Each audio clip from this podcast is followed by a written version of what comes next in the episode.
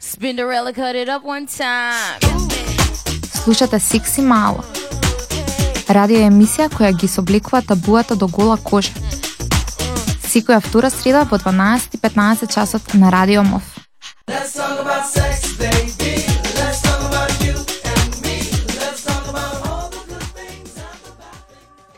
Уште една среда заедно со Секси Мало, 12 и 15 часот совршен тајминг за да се подсетиме за еден од најпосакуваните денови, најчеканите денови во годината за сите влюбени парови, а, Сент Валентајн или а, денот на влюбените. Ова е ден во кој луѓето ја покажуваат својата љубов и допаѓање кон некого вообичаено во форма на љубовни честитки, цвеќе, подароци и пораки. Но во оваа емисија не само што ќе ви посветиме неколку љубовни песни за да си се подсетите на љубовта на вашиот живот и тоа како сте го поминале вчерашниот ден, ќе позборуваме и за некои други аспекти на овој ден, вклучувајќи ја и нерамноправноста во половите и некоја позадина која што се крие во подарувањето на сите овие подароци и романтични акти. Заедно со мене во студио е и Јордан. Здраво. Како си Јоца? Супер, малку ненаспан, уморен, ама сакам убаво да истерам емисија пошто убав празник. Супер, предлагам да преминеме со една мала музичка пауза за да се расположиме и ние тука малку во студио, па продолжуваме со некои факти и интересни приказни за денот на влюбените.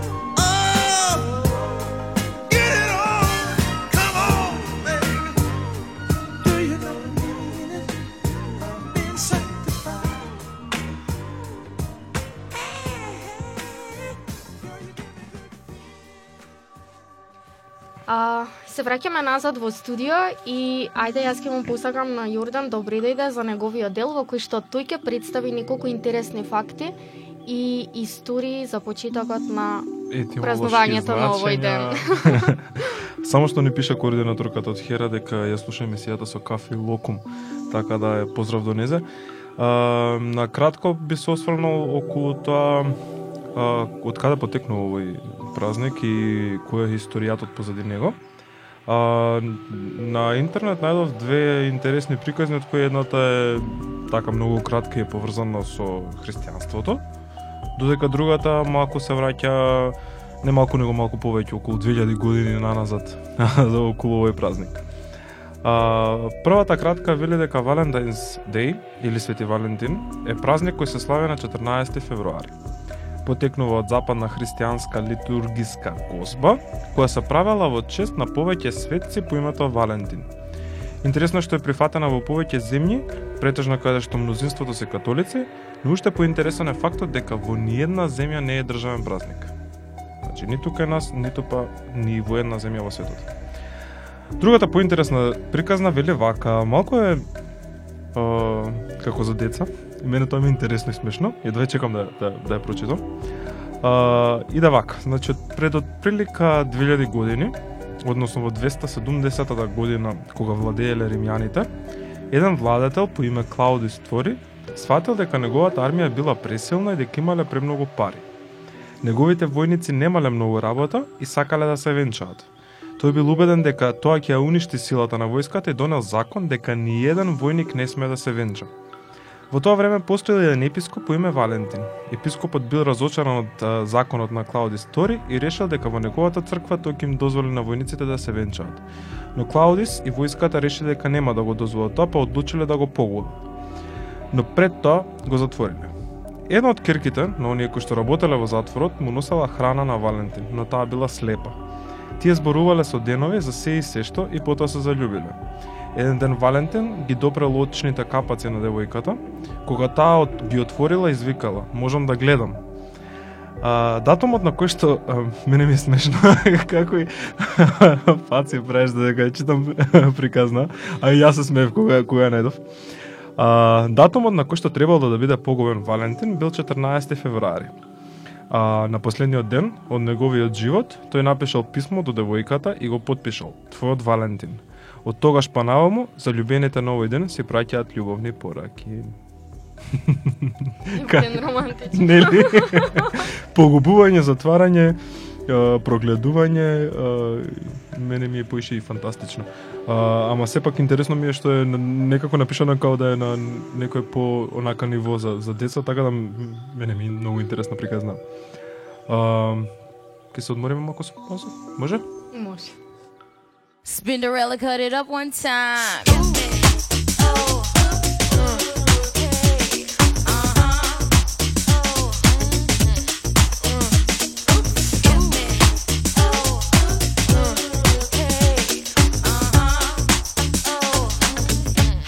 Come on. Let's talk about sex, baby.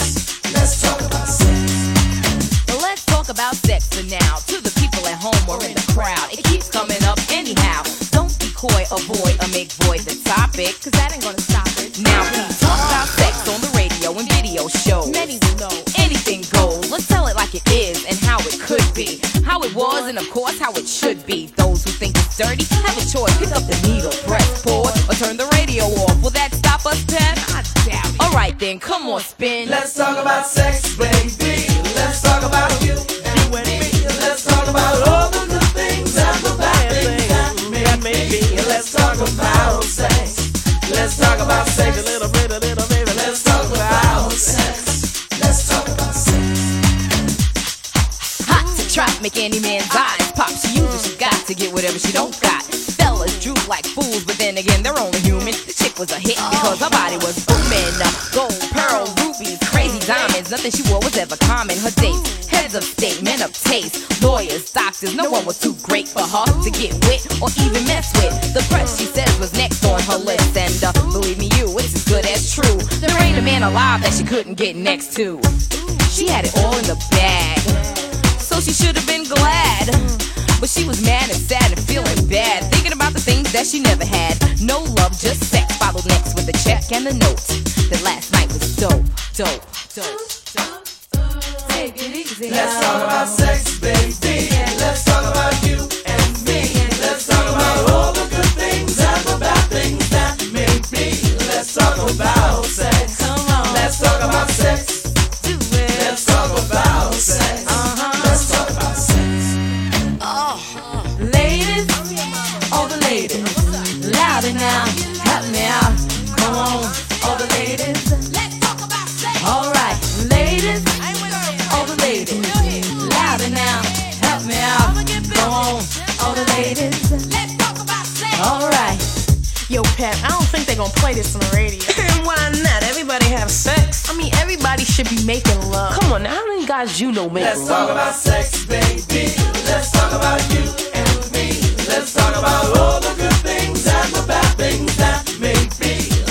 Let's talk about sex.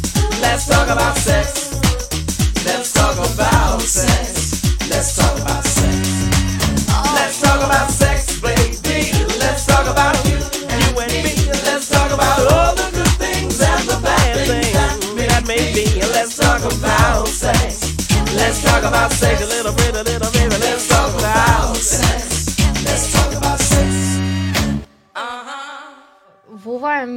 додека разговаравме со Јордан и го спремавме малиот концепт, бидејќи повеќе сакавме и да си дискутираме за начините на кои што овде се прославува или што вообичаено се подарува на партнерот или партнерката и како целиот концепт за овој ден е сватан глобално кај младите.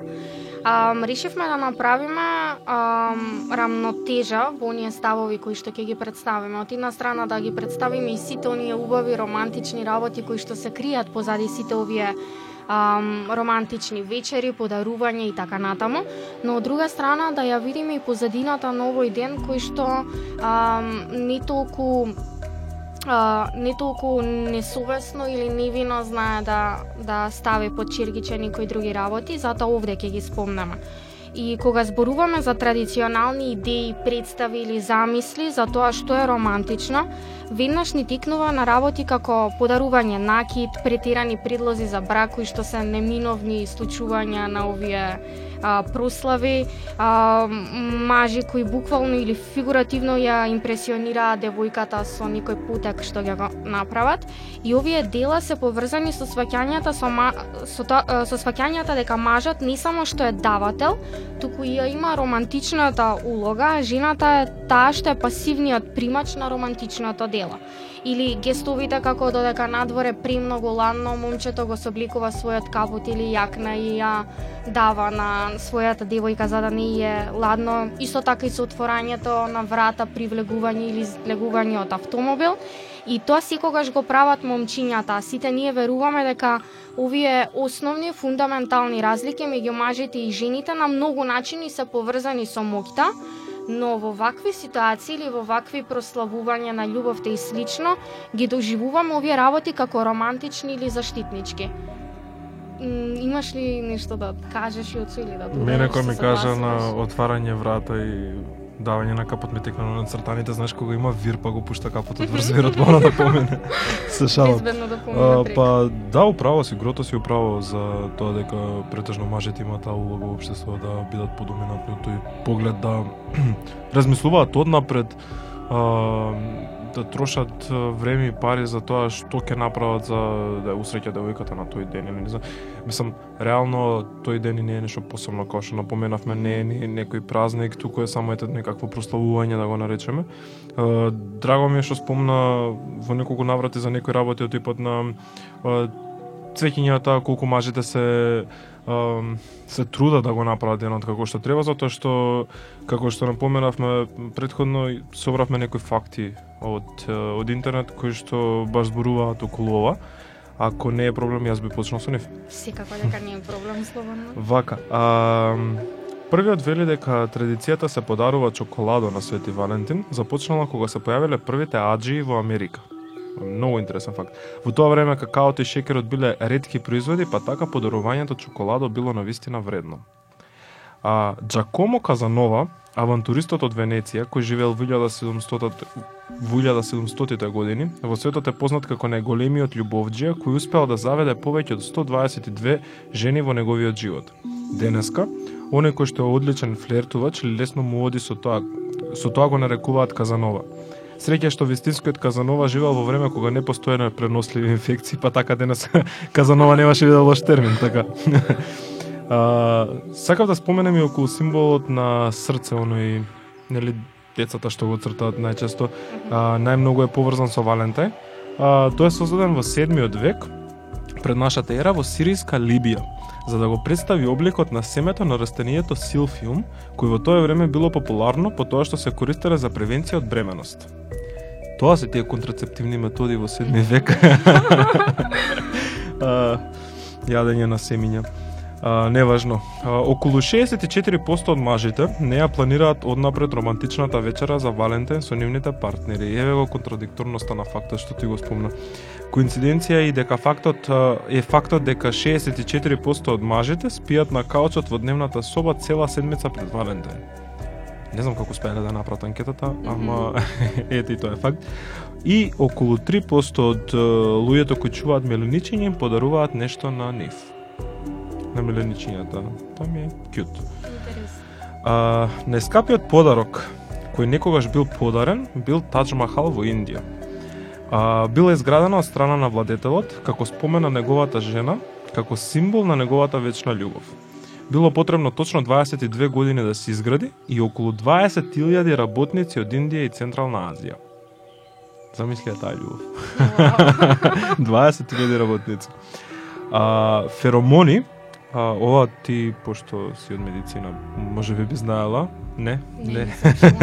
Феромони се субстанции кои човечкото тело ги лачи, што не прави да, да се привлекуваме едни со други. Во Америка дури, во некои продавници се продаваат фермон, спреј, кој што се верува дека зголемува вашата привлечност. Значи, еден вид како парфемче кој што има лейбл фермон и се прскаш вече кој дека сите девојки се околу тебе. И сега најинтересниот факт за мене, пошто во мојот 23 годишен живот ниту еднаш не сум бил во врска за Свети Валентин, така се погодил. се шегувам. А, постои Single Awareness Day или ден а, за кревање на свеста за оние кои што не се во врска или се сингл. А, тоа е на истиот ден кога и Валентайн, вчера, што значи дека постои празник за луѓето кои се сингл да ја прослават својата слобода. Нели? Интересно. А, давањето честитки за Валентин започнало во 1415 година од страна на Чарлс, војводата на Орлеанс, кој пишувал љубовни поезии на неговата сопруга додека бил во затвор. Денеска во светот повеќе од милиарда картички или честитки се подаруваат за Валентин. Денеска дознавме дека за прв пат оваа година во 2017 почнале да се произведуваат честитки наменети за LGBT заедницата, односно геј паровите. А, традиционално, за Валентин се подаруваат рози, бидејќи се смета дека розите биле омилени цвеќиња на Венера, божицата на љубовта. Всушност, повеќе од 15 милиони рози се купуваат за Валентин. Се смета дека и бојата на розата игра голема улога. Е сега вака. Црвените значат љубов, жолтите пријателство, протоколовите желба, а розевите восхит. Така да тоа е интересно што го спомна претходно за цвеќињата, сакав ова да ти го напоменам. А, многу сакав да дознам а, во смисол на маркети и знаеш продавници за играчки, продав... оние што се често подароци што се купуваат за за Валентин, која е она отприлика цифра која што ја заработуваат на годишно ниво или ете само за празникот, но не може да успеам да најдам таков таков факт, но ако најдам во наредните некои емисии ќе ќе го споменеме. Да, бидејќи овој празник е доста искомерцијализиран, исто како, например, за Божик додека се купуваат божикни подароци, елки, украси за Новогодишни домот и така или натаму. во другите земји Халоуин, така, Да. ноќта на вештерките има многу такви комерцијализирани празници кои што ништо друго не значат освен фрлање пари. Точно.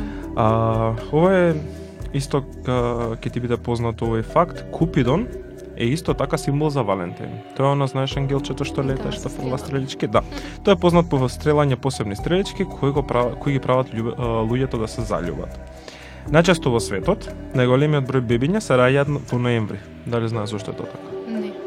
Рачуна 14 февруари 9 месеци. Тоа е точно 9 месеци по Валентин. И последниот факт за, за оваа емисија, а, во среден век се верувало дека првиот што ќе првиот што ќе го видите на Валентин, значи на денот Валентин, а не е во брак, можно да ви стане партнер. Замисли го ти тоа. Идеш во циркус, да речем, за прв пат и сретнуваш некој што не е во пат. А, тоа би било тоа ти наоколу фактите. Мислам дека ти беа интересни. Ми беа интересно. Мислам дека и на слушателите им беа интересни. Да, особено делот со честитките, затоа што секогаш спомнуваме како одредени теми за кои што се разговара и дискутира или се донесуваат одлуки, во обзир се земени само хетеропарови или општо нашето општество кое што е хетеронормативно, а не се зборува воопшто за љубовта помеѓу геј пар, никогаш скори да не сме виделе овде во Македонија честитка на која што има две жени или двајца мажи, секогаш никој би требало да се снаоѓа во врска со тоа како податокот кој што го прочитавме за честитките кои што ги прават. И на самиот крај од емисијата ни останува да ги поздравиме нашите слушатели со пораката на слушаат и во наредната емисија и еве ден после Валентин и ние им испраќаме мали стрелички кои што со кои што им ја изјавуваме или покажуваме нашата љубов и желба и понатаму И да се си останат заљубени. До наредно слушање. Пријатно.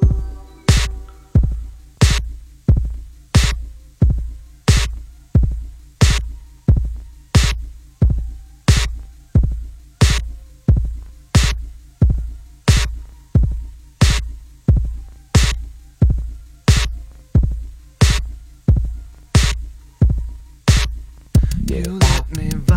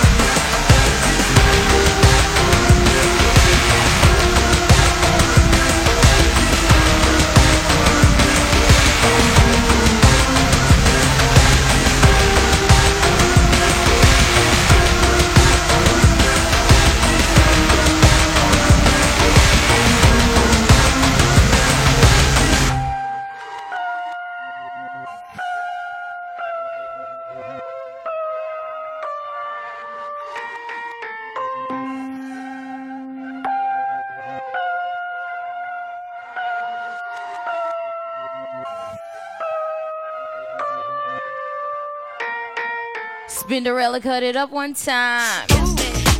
Слушате Сикси Мало.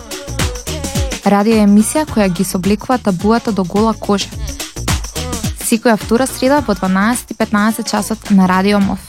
Let's talk about sex, baby.